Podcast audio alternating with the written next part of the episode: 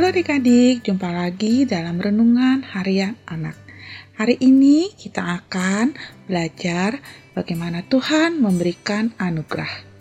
Bahan Alkitabnya diambil dari Lukas 1 ayat 26 sampai 38. Adik-adik boleh membaca sendiri dari 26 sampai dengan 38, tapi tante akan membacakan dari Lukas 1 ayat 38.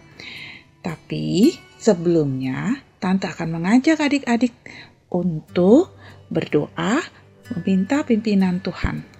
Yuk kita lipat tangan dan tutup mata. Tuhan Yesus yang baik, kami mau mendengarkan firman-Mu Tuhan.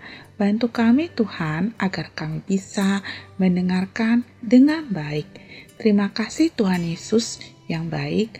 Amin. Tuhan memberi anugerah. Lukas 1 ayat 38. Kata Maria, sesungguhnya aku ini adalah hamba Tuhan jadilah padaku menurut perkataanmu. Lalu malaikat itu meninggalkan dia. Adik-adik, dalam bulan yang keenam, Allah menyuruh malaikat Gabriel pergi ke sebuah kota di Galilea bernama Nazaret kepada seorang perawan yang bertunangan dengan seorang bernama Yusuf dari keluarga keturunan Daud. Nama perawan itu Maria.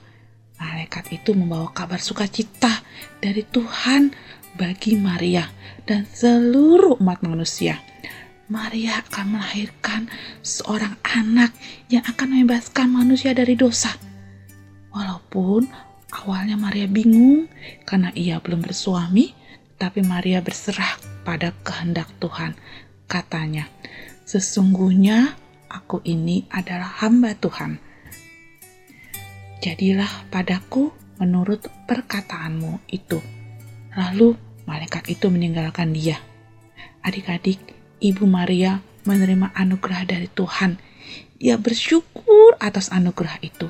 Dia bersedia menjadi ibu Tuhan Yesus.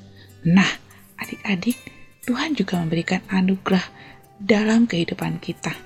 Apa saja anugerah Tuhan? Kesehatan, keluarga, kepintaran, Yuk, kita bersyukur atas anugerah Tuhan. Kita mau mengucapkan sama-sama, aku mau bersyukur atas anugerah Tuhan padaku. Yuk, sekali lagi kita mengucapkan, aku mau bersyukur atas anugerah Tuhan padaku.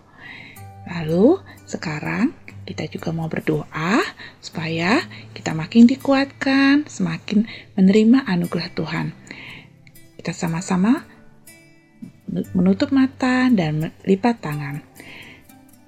Bapa di surga, kami bersyukur atas anugerah Tuhan dalam kehidupan kami.